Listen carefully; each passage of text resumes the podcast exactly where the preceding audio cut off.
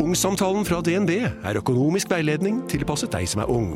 Bokk en ungsamtale på dnb.no. ung. Ok, det var jo en syk døll måte å forklare ungsamtalen på, da. En smart prat om penga mine, ville jeg sagt. Ikke sånn kjedelig økonomisprat, skjønner du. Skal du pusse opp eller bygge noe nytt? Ikke kast bort tid på å lete etter håndverkere selv. Gå inn på mittanbud.no og lag en beskrivelse av jobben du ville ha gjort. Så mottar du tilbud fra flere erfarne håndverkere som du kan sammenligne. Med mange tilbud er du sikrere på at du velger riktig bedrift, og at jobben blir skikkelig utført. Mittanbud.no få jobben gjort.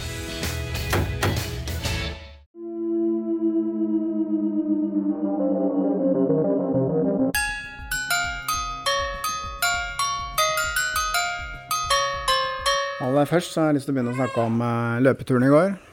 Asje Kry, vet du, han klarte å slå meg på løpetur. Du skjønner at det ikke er så ofte, siden han Kry. Jeg hørte i går så ikke det på lørdag òg? Ja, men det er ikke så uvanlig, da. Men eh, den der løpeturen i går, den har du, det er første gangen du har knust meg på den. han sa i går Kan ikke dere spørre om den løpeturen? Og så spør han om den skogsturen vi har. Han har aldri vunnet over deg sist, siden Ja, for 15 år siden. Det er ti år siden. Ti år siden, altså slo den meg en gang. Ok, Men uh, Men vi skal ikke snakke om det. Okay. Velkommen tilbake, Jonny Haglund. Takk for det. Du har vært eh, i Brasil. Jeg har vært i Brasil. Ja. I, Men er ikke det litt spesielt å reise til Brasil nå, midt i Nei da, pandemien? Nei, nei, nei, det er ikke det. Syns ikke det. Altså, med tanke på jobben min, som er frilansfotograf og, og dokumentarfotograf, da, som med liksom verden som arbeidsplass, så, så er det jo ikke det.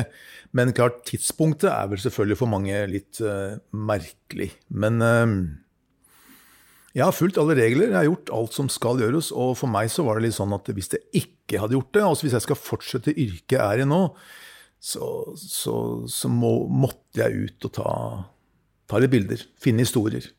Men jeg har liksom vært av den oppfatning av at det ikke er mulig å reise noen steder nå, at alle land er stengt, og grenser er stengt, og det er ikke mulig å komme inn noe sted, og vi er litt sånn stuck. Det er litt den følelsen jeg sitter med, men det er ikke sånn, altså. Du kan dra. Ja, også noen Ja, altså det er jo ganske vanskelig nå, da. Det er jo, jeg prøvde jo først Indonesia. Det, der sa de klart for at det er stengt. Det kommer ikke inn. Vi ikke gi noe visum. Men eh, du har jo Bolsonaro, presidenten i Brasil. Han eh, er jo ikke ser ikke på korona så alvorlig. Så, så der er det sånn at du sier sånn, Da jeg kom til Brasil, da, så er det bare 'welcome to Brasil', og så stempel i passet, og så er det inn, og da har du to måneders eh, Jeg tror det var 90 dager, faktisk, visum. Turistvisum eller reisevisum. ikke noe testing Ikke noe, ikke noe krav om å bli testa, ikke noe krav om å vise en, eh, en negativ test. Ingenting. Og Det er jo det som skjer. sånn som Sri Lanka åpner nå neste uke, tror jeg. Og da er det krav om at du må ha en, eh, en eh, negativ koronatest 72 timer før du lander. Og når du ankommer, så må du også ta en test der. Og etter syv dager i landet må du ta en ny test. Eh, og Sånn er det jo i flere land nå. Men Brasil er jo ikke der, da.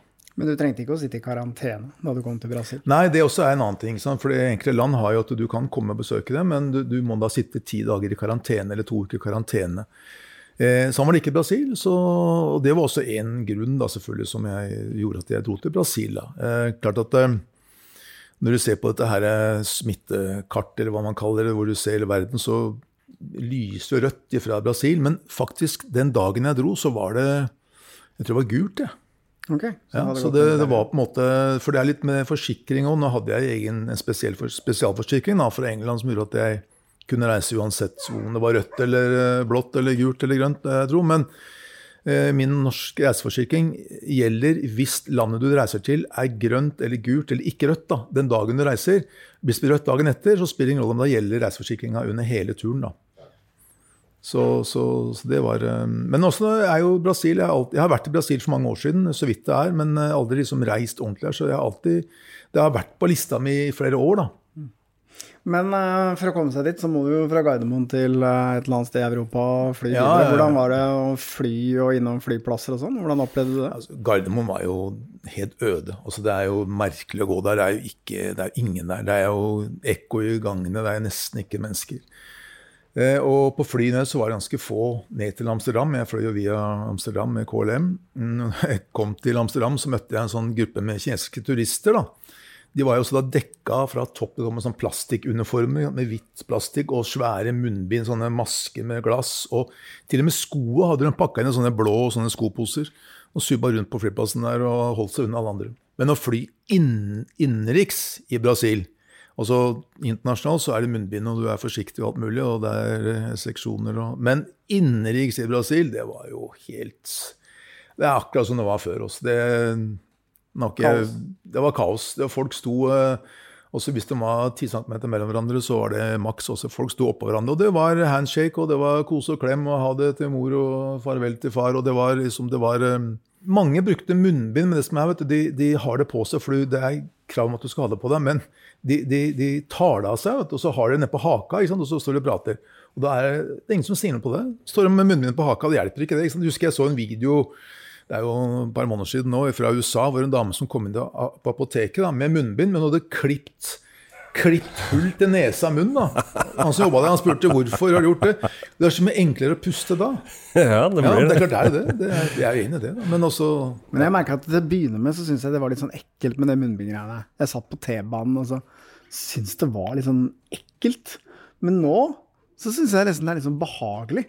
For når jeg kommer ut av butikken og det er litt kaldt og regner, og sånn, så er det sånn deilig å ha på seg. Så jeg har liksom egentlig ikke noe lyst til å ta det av. Men så har jeg heller ikke lyst til å unnskyld uttrykket, være sånn skrotnisse som uh, surrer rundt med munnen min når det ikke er et menneske i nærheten. Mm. Men, uh, men, det er utrolig hvordan det endrer seg, da. Fra å være sånn skikkelig ubehagelig til uh, Nei, det var litt deilig. Ja, ja, det er deilig. Ja, Det er jo som å gå med et skjerf dekka til. Og inni butikken så føles det helt normalt, og så kommer du ut av butikken og så glemmer du kanskje kanskje, så går du ti meter, og så begynner du å tenke sånn Oi, nei, det, så blir det en sånn rar følelse. Så ah, hele den munnbind-greiene er en sånn Ja, det er litt merkelig. Vi har jo vært ute og reist veldig mye, men nå det siste året her nå, det, nå føles det ut som vi har reisende onkel Mac foran oss. Jeg føler at vi er liksom fraglende som ikke kjenner verden der ute, for den har jo endra seg. Så det er veldig interessant å høre hvordan det å, å, å reise nå har liksom blitt et, noe helt annet. Og så det når du, sant, når du, reiser fra Norge og så kommer ned til Sao Paulo og sånt, og, og rundt kan si, i de, sånn, de, større byene også i Brasil, så merker du denne pandemien. Men ute på landsbygda så, så, er det svært lite tegn til det. Også. Det er, det er enkelte steder og det også er i byene. altså de større, litt, eh, Ikke de største, men altså landsbyer, da, hvor du kanskje ser folk med munnbind. Men jeg, jeg, gjorde en sak om fiske da, hvor jeg reiste. så Jeg fulgte Amazonas fra Manaus og ut mot Atlanterhavet og, var i masse små, små landsbyer. og det, det, det er ingen som altså de, de, er nok sånn som de oppfører sånn som de gjorde før pandemien. Det, jeg ikke kommet dit ennå, men nå, nå, så jeg på kartet faktisk idet jeg dro hjem fra Brasil, at Amazonas-regionen i, i, Brasil ble rød. da. Så, men ikke sant, du vet jo ikke altså, Det med testing også Jeg var i en favela i Belem. Eh, hvor det var det fortalte meg at det var 90% av innbyggerne var smitta eller hadde vært smitta av korona. Men så spurte jeg altså, ja, hvordan, altså, kom, Får dere hjelp? Nei, det kom ikke noen leger, ikke noen folk inn og hjelpe oss. Vi, bare, vi behandler oss sjøl med varm te og urter. Men også, hvordan vet man at 90 har blitt smitta da? Hvem er det som tester dem? Og, hvordan er det? og da sa de det at eh, ja, det er noen som blir testa, men folk bor så tett. Så hvis ett familiemedlem tester positivt, så går vi ut fra at de 15 andre også har fått det. Så den på en måte liksom teller litt sånn Det er, det er ikke helt riktig. Og samme er det Du kan si at hvis smittetallene er lave i et land, så kan det være fordi de ikke har testa så veldig mange. da.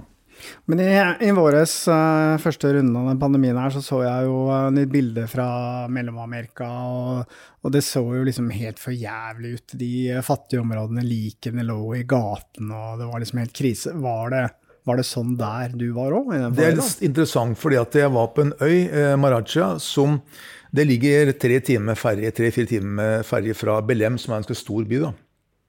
Og under verste månedene i mars-april var det vel, så sto de avisene i Belem at folk på den øya lå døde i gatene som følge av korona. Men da jeg var der og snakka med folk, så bare Hæ? Rista han på hodet. Og han som var tolken min, han var fra Belem, han sa at det, det sto i det avisen, men det var bare tull. Det, det, det, var ikke noe i det hele tatt. Men hva tror du er, hvorfor, hvilken motivasjon skal noen ha for oss å er det bare sensasjonsjag, da? eller? Vet du hva, for å være helt ærlig, Når du leser norske aviser, også, så er det, de trekker jo fram den ene verste historien etter den andre. Det er liksom, De, de peker alltid på det som er verst. Så det er klart at det, det handler selvfølgelig mye om også overskrifter og klikk og likes og alt det der. Det er det verden har blitt nå. ikke sant? Så, og det er om å dramatisere mest mulig. Og dessverre så er det der eh, i hvert fall slik jeg, og jeg intervjuer mange, så er det der rett og slett fake news. Ikke noe annet. Bare for å få oppslag. Men det, for meg å seile eller liksom reise på Amazonas inn i regnskogen, det framstår utrolig eksotisk. Kan du fortelle litt eh, hvordan, hvordan det er, egentlig? Jeg har jo vært i Amazonas eh, mye på peruanske siden og Ecuador. Eh, også for så vidt i Bolivia. Men eh, Og nå ordentlig i Brasil, da. Eh, jeg må jo bare si én ting, og det er det at jeg føler til sånn som Peru, Ecuador altså Det er mye mer ekte jungel. altså Det er mer liv i jungelen. Jeg har vel egentlig aldri sett en så død jungel som jeg gjorde altså nå i, i uh, brasilianske delen av Amazonas. Nå var jeg ikke kan du si, Jeg var jo inne, langt inne i regnskogen, men jeg var på en måte ikke, jeg oppsøkte jo ikke noen nasjonalpark. og sånt, Jeg var på en måte i små landsbyer, fiskelandsbyer. men også Jungelen er tom. Er, det, er, det, er, det, er, noen lyder av fugler, og sånt, men det var liksom ikke der, det livet jeg ser i Peru. og det er klart at det, eh, det som skjer nå, er jo at for eksempel, Altså, så kutter man ned regnskog, det veit vi, ikke sant? for å dyrke soya eller for å ha gress til kveg. Nå ble jeg fortalt det at Kina har visst, selvfølgelig de jeg snakket med, har kjøpt opp hele den soyaproduksjonen til Brasil de neste ti årene. Og det er mye penger i soya, og jeg tok jo jeg også en reportasje om det, og hvordan de da bygger ut veiene i Amazonas for at det store lastebiler for store trailere skal få tilgang, slik at de kan dra med seg soya og dra ut til havnene og så sende det ut eh, til Kina. Og det er klart at det er med på å ødelegge jungelen. ikke sant? For veiene, da kommer det små landsbyer, det kommer hus da kommer det, Og så har mange folk skytevåpen. Bolsonaro har jo, han, eh, han hadde jo hans presidentkampanje presidentkampanjen gikk ut på at han skulle gi lette disse her våpenlovene, sånn at flere skulle få våpen i landet for å kunne beskytte seg selv. Klart, Det fører til flere vanlige mennesker har våpen. Og, og det samme som skjer, er at folk skyter det som er rundt landsbyen. At det er jakt. ikke sant? Det er, skyter fugler og skyter dyr, og dermed så blir det færre dyr og færre lyder og, færre, og, og mindre jungel. Og så kutter de ned jungelen pga. soya, pga. kveg så dør jungelen sakte ut. Jeg så massevis av det der. altså Store områder hvor hun først bare dytta ned jungelen, satt fyr på den etterpå, og så skal hun dyrke soya. Ja, det har jo ikke gått lang tid heller. Det er jo ikke med lenge siden han ble valgt som president. Nei, nei. Så det er jo dette kjappe jo, endringer. Dette har, ja, dette har jo foregått selvfølgelig mange år, men det har på en måte eh, altså akselert nå, da, etter at han eh, ble satt i sjefsstolen. Ja.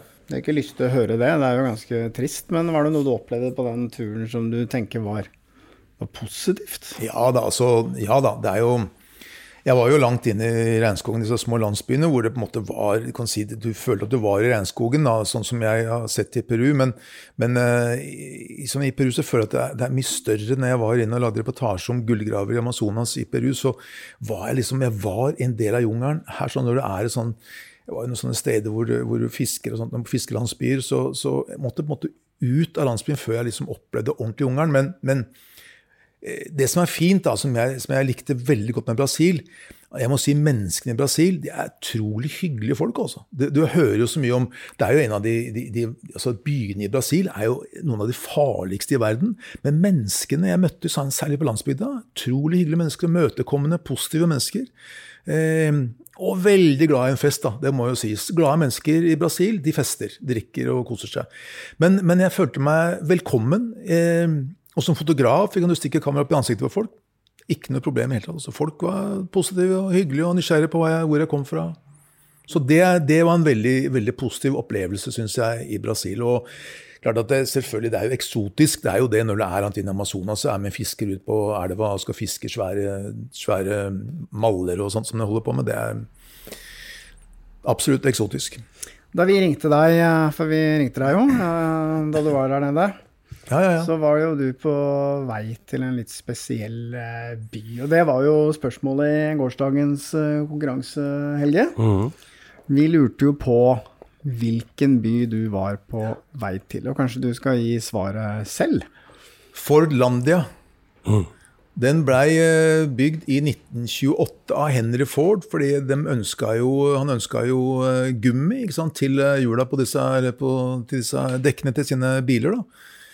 Eh, og da bygde den det langt Dette er ganske langt inn i regnskogen også. Nå, nå, nå, står det jo, Hvis du leser på nettet, så står det jo stort sett at det er en spøkelsesby eller det er tom for folk, men den er ikke tom for folk. Jeg trodde det selv, ja, så jeg ble til og med informert om det. Men det bor mennesker her også fortsatt. Og, og, men de gamle, den gamle fabrikken, eh, de gamle bygningene, eh, til og med masse av de gamle maskinene til Ford Company, står der en dag i dag. Også. Og noen av maskinene er faktisk i bruk selv en dag i dag. Ja. Da, du, da, jeg hørte det at du skulle inn til en byen her, så så jeg for meg litt sånn Tsjernobyl-aktig sted der naturen hadde begynt å ta tilbake Ja, på en måte så ja. Så det sånn ut òg? Ja, det gjorde det også. Ja. Det er, og det er vanskelig fascinerende. Den svære fabrikkbygningen der står der, og det er, grodd liksom gress rundt den og over den. og den gamle biler står og forfaller, disse maskinen også. Det er, det er ganske, og, og, bygningen også, da. Som er, og veldig solide bygninger i sant? Så de er jo, står der og gror rundt dem. Det er ganske, ganske fascinerende sted. da. Men det vi har jo tulla litt med, for du er jo en ekspert til å havne i uh, litt komiske situasjoner når du er ute og reiser. Litt sånn lost in translation. Hvis jeg ikke tar helt feil, så skjedde vel det på den turen her òg, gjorde det ikke det? Ja, så jeg snakka med på telefonen, ikke sant, og da, da, hadde det ikke skjedd noe gærent. da, Ikke noe gærent, da, men, det, det, men selvfølgelig, det som jeg sa, da det skjer vel sikkert nå. Og like etterpå, så etter jeg kom fra Fordlandia, da, så eh, kom jeg til en en landsby, da, men det var jo på en måte kanskje 3000-4000 innbyggere. Og så var jeg inne på et supermarked. og, og jeg snakket med tolken min. Den tolken min er en veldig, var en hyggelig fyr, ung kar. og Han var glad i å snakke, snakket ganske høyt, da, så mange hørte oss. og vi fikk jo et kobbel med jenter etter oss. da. Unge jenter var sikkert mellom si, 15 og 20 år, som var nysgjerrige. Noen kunne litt av engelsk og skulle spørre meg ikke sant? what's your name. alt det der. Eh, og så går hun mot kassa, og så hadde jeg da jobba ganske hardt. Jeg var litt sliten og hadde lyst til å kjøpe meg noe godteri. da, ikke sant? Jeg drikker jo ikke øl, og sånt, men jeg koser meg med litt godis. da, cola. Og så var det sånn svær sånn rekk ved kassa hvor det hang masse sånne tyggegummipakker. da, Med forskjellige smaker. Melon, sitron og eple alt mulig. Så jeg begynte å pelle på disse her, og så spurte jeg så jentene holdt disse pakkene oppe. Og jenter, hva som smaker best, sier jeg. Og jentene begynte å Først så var den rød, og så holdt den seg for munnen, og så kikka han i bakken. Og så sier tolken min 'Jonny, det er kondomer'.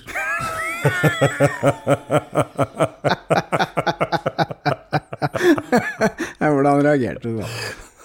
Jeg, jeg, kan jo ikke noe portugisisk, så jeg bare, jeg ble sikkert rød i øya og hang det tilbake. Og så gikk jeg stille og rolig ut av den butikken. du, vi har jo brukt eh, den, en annen historie fra, som du har fortalt om den der toalettepisoden nede i ja. Romania. Det var jo en konkurranse i en tidligere episode. Men så så jeg et sånt talkshow som heter Graham Norton Show, og da var det en britisk komiker som hadde basically den samme historien, bare at han var inne på en spansk eh, restaurant, og så hadde vært inne på toalettet, og så hadde han ikke flusha, og så hadde han gått og henta betjeninga, og da hadde det flusha. Så jeg, ja. jeg vet ikke, Jonny, er det her en selvopplevd historie, eller? Ja, altså, vet du hva, Jeg fortalte historien første gang på radioen for over 15 år siden. Faktisk. Ja. Så mulig Graham Norton og disse her har lytta til det. da, altså. Fordi at, eh, Jeg har fått spørsmål om det seinere, for det høres jo ut som en vandrehistorie. Men, altså, men, men eh, nei, altså jeg, dette skjedde meg, og det var, eh, det var en pinlig sak. Men som sagt, jeg fortalte det for 15 år siden, og jeg har ikke hørt den før hvem var det som fortalte meg det da jeg, etter at den var på deres podkast? Så var det noen som fortalte meg det, nå hadde jeg hørt den på radioen ettertid. da. Ja. Så, men klart at Selvfølgelig, dette, her, dette, skjer jo selvfølgelig stadig vekk. Det er ikke noe unaturlig sak. Å, det er jo ikke det. jeg har jo også en sånn pinlig historie, men den har jeg aldri uh, turt å fortelle. Oi, sånn. Jeg vet ikke om jeg skal gjøre det nå heller. Du har søkt, da. Mm? Vær så god. Ja, nei, dette er jo, jeg, jeg, var i USA, så hadde med unga, så dro jeg sammen med en dame som jeg var litt eh, keen på også. Og det var litt sånn Du veit åssen det er i USA, det blir mye mat. Og så tok vi inn på et sånt motell i, i, Florida der, i Fort Lauderdale. Og så hadde vi liksom hadde to hotellrom. Og, og, så måtte jeg på ramma, da. Ikke sant? Dette, Butterin må jo på et eller annet tidspunkt ut. Og det var jo liksom Hele toalettet blei jo tett. ikke sant? Og det syns jeg var ganske ubehagelig. Og jeg måtte liksom be liksom unga gå på toalettet på det andre. Og jeg skyldte liksom at det var noe galt med toalettet og sånn. Her var det galt med toalettet. Og så sier jeg fra til han der fyren som eier det mot, at det er noe galt, må fikse det, da. Han skulle se på. Og så ligger jeg ved bassenget sammen med hele gjengen. Så kommer han, og så roper han høyt ut. altså, toalettet er liksom eh, tett på grunn av liksom den største dritten jeg har sett i hele mitt liv. Og det, jeg må huske den følelsen av at jeg liksom bare hadde lyst til å liksom synke gjennom hele solsenga der og bli borte. Alle hørte det greiene der. Og det, det var ganske ubehagelig. Altså. Det Alle har jo gått og, hen og titta et toalett på et tidspunkt, men du går jo ikke og sier ifra og vi skal vise det frem, som dere driver med. Sånne ting skjer hele tiden, og det er bare, det er bare å smile av det. Du får ikke gjort noe mer. Det er, sånn skjer. Sånn skjer. Sånn skjer. Men tilbake til, eh, til Brasil, etter at du var i Fødlandia, Hvor var det du reiste da? Da dro jeg opp til eh, Santarem, og så dro jeg til eh, en, øy, Maraja, som heter som er, det er, Jeg tror det er 550 000 vannbøfler der. Altså flere vannbøfler enn mennesker. Ganske artig, og der har de en sånn eh, bøffelpoliti, da, hvor politiet rir på bøfler for å fange bl.a. kvegsjur inn, inn i skogen og inn i sumpene. Ganske, ganske interessant sak. Og så var jeg da også i, dro jeg ut til Belem og til eh, denne favelaen som jeg nevnte innledningsvis, da, hvor eh, 90 smitta av eh, korona. Det var ganske interessant, disse favelaene. Også de som bor her, liker jo egentlig ikke at vi kaller det favela. I Norge så, så sier man det fordi at man har måtte ikke navn, men de kaller det for communidades, også en, en samfunn, da. Ja. For det er litt sånn stigmatiserende, da, visstnok, favela. Men i hvert fall, da, så, så Og den første jeg var i, den var jo interessant, og det var jo spennende. Men den andre jeg var i, jeg var i eh, Paraispolis, som er den største favelaen i Sa Paulo med 120 000 innbyggere. Og jeg hadde en ganske god opplevelse i Belem. Eh, for så vidt ganske trygt, fordi jeg hadde en veldig god guide. Hun som var kjentmann eller kjentdamen, hun var jo hun som var sjefen. Hun var med meg, ikke sant? og hun hadde bein og og autoritet. Men i eh, Sa Paulo så gikk jeg inn sammen med to lokale som skulle hjelpe meg. da. Og det har gått kanskje 30-40 meter, og jeg gikk fem meter fra disse to andre, så plutselig kommer en motorsykkel opp til meg og sperrer veien for meg med to unge gutter som har pistolen i bukselinningen. Altså amerikanske filmer som bare dro opp jakka og viste at de hadde pistol, så stoppa de meg og begynte å kjefte på portugisisk. Og jeg kjente Det er ikke noe ålreit, det, altså.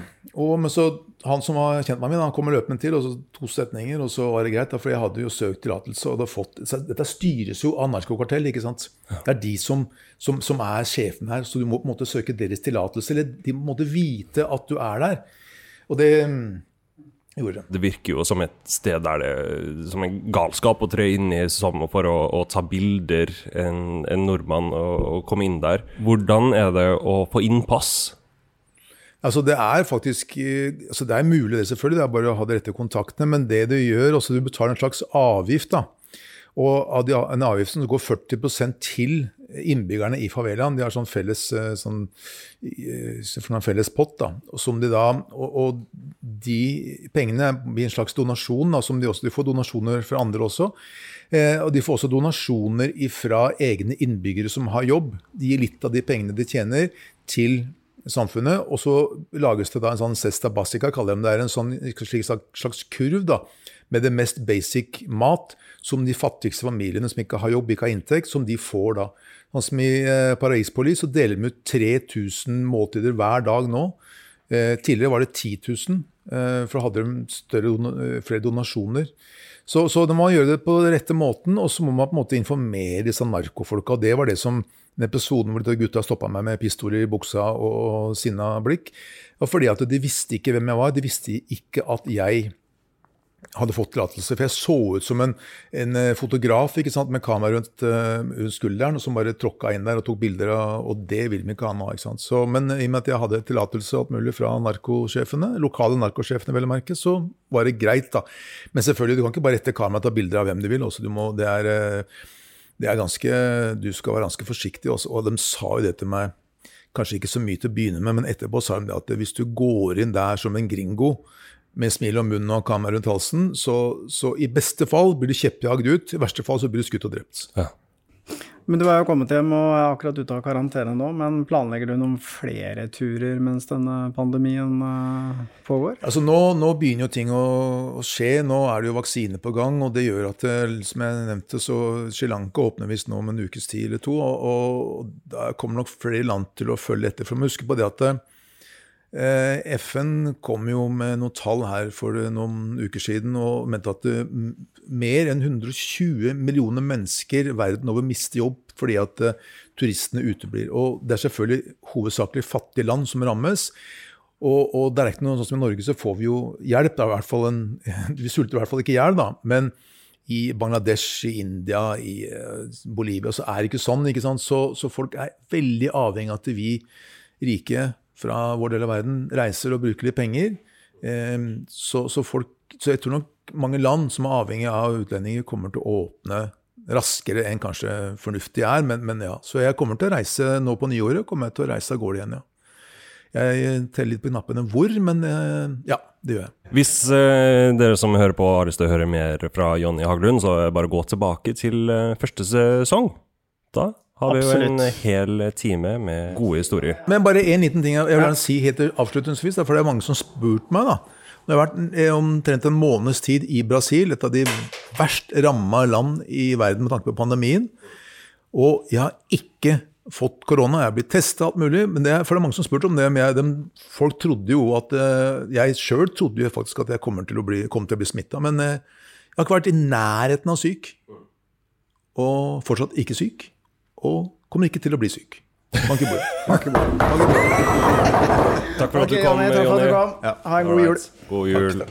Men gutter, vi skal vel ha en konkurranse i dag òg? Yes, det må vi ha. Og jeg må bare si, hvis det er noen som har reagert på at de har hørt en papegøye i bakgrunnen eh, under intervjuet i dag, så er det fordi min yngste datter måtte være med pappa på jobben i dag, så hun har lyst på litt oppmerksomhet. Skal du si noe? Nei. Du skal spise mikrofonen. Jeg tenker at dagens eh, konkurranse må jo handle om Jonny. Selv om også gårsdagens konkurranse handla om Jonny. Og vi har også hatt en tidligere konkurranse om Jonny. Men eh, i den eh, Jonny Haglund-episoden som vi lagde i første sesong, så forteller eh, Helge om da han eh, spiste kebab på en restaurant i uh, Irak. Gode minner. Gode minner. Irak. Mm. Og han ble veldig dårlig. Yes. Men hans uh, Hvor mange stjerner hevder Helge at denne restauranten hadde? Jeg vet ikke om det var i Michelin-guiden, men uh, det var i hvert fall noen stjerner som denne restauranten skal ha hatt, ifølge Helge. Gull og glitter var det i hvert fall nok av på det stedet. Send som vanlig svaret til oss på Facebook. Eh, privat melding. Lire Moll. Se der, ja. Nå våkna. Skal du si noe til lytterne våre? Skal vi si god jul? Nei. Nei. Takk for i dag. Og vinneren av gårsdagens konkurranse er Tony Lundberg Sjøli. Han visste at Jonny var på vei til Fordlandia da vi snakket med ham på telefon fra Brasil. Og til slutt en liten melding angående morgendagens episode. Vanligvis legger vi ut episodene ved midnatt, men pga. litt eh, spesielle omstendigheter rundt innholdet i morgendagens episode, så kommer den ut ca. klokka tolv på dagen.